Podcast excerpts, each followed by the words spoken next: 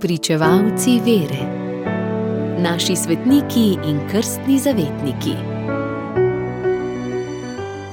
Danes zgoduje sveti Izidor Sevilski. Človeku, ki je doma na številnih področjih znanosti, pravimo polihistor. Dan danes so se področja znanosti tako namnožila in razširila, da ljudi, ki bi se na vse spoznali, ne najdemo več. Na prehodu iz starega v novi vek je v Španiji živel polihistor Izidor, škof v Sevilji. Po mnogih letih napornega dela je napisal etimologijo, 20 knjig obsegajoče delo, v katerem je skušal strniti celotno znanje starega veka.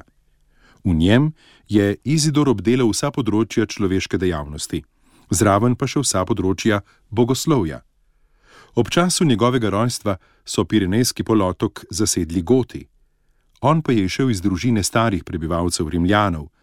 Starši so bili kristijani in vsi njuni štirje otroci, Fulgenci, Leander, Florentina in Izidor, so dosegli svetniško čast. Vsi trije sinovi so postali škofje, hči Florentina pa redovna prednica. Izidor je bil najmlajši. Rodil se je okoli leta 560. Njegovi življenjepisci postavljajo to letnico na podlagi tega, da je leta 600 ali leto pozneje postal naslednik svojega brata Leandra na škofijskem sedežu v Sevilji. Po cerkvenih postavah bi moral imeti vsaj 30 let, toda najverjetneje jih je imel okoli 40, ko je postal škof. V mladosti si je izbral duhovni poklic, najbrž je bil menih in opad. Svojo službo je označil takole. V življenju mora biti opat menihom popoln zgled poslušnosti. Prepričan mora biti o tem, da ne more odrediti ničesar, česar ni poprej sam izpolnil. V svojem delu o samostanskem življenju se Izidor kaže kot človek reda. Preuredil in poenostavil je mnoge predpise in pravila za samostansko življenje. Iz skoraj štirih desetletij Izidorjevega škofovanja je le malo znanega. Njegovo pastirsko delo je bilo usmerjeno predvsem na utrjevanje katoliške vere in verskega življenja med goti.